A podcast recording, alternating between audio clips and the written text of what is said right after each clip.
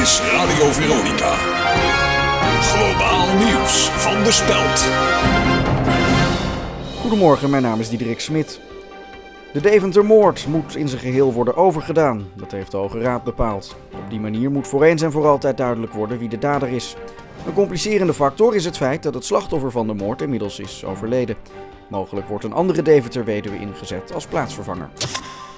Doelman Kenneth Vermeer heeft zich vanmiddag aangesloten bij de selectie van het Nederlands elftal. De reservekeeper van Ajax mengde zich tijdens de training in Rio de Janeiro ongemerkt tussen de spelers.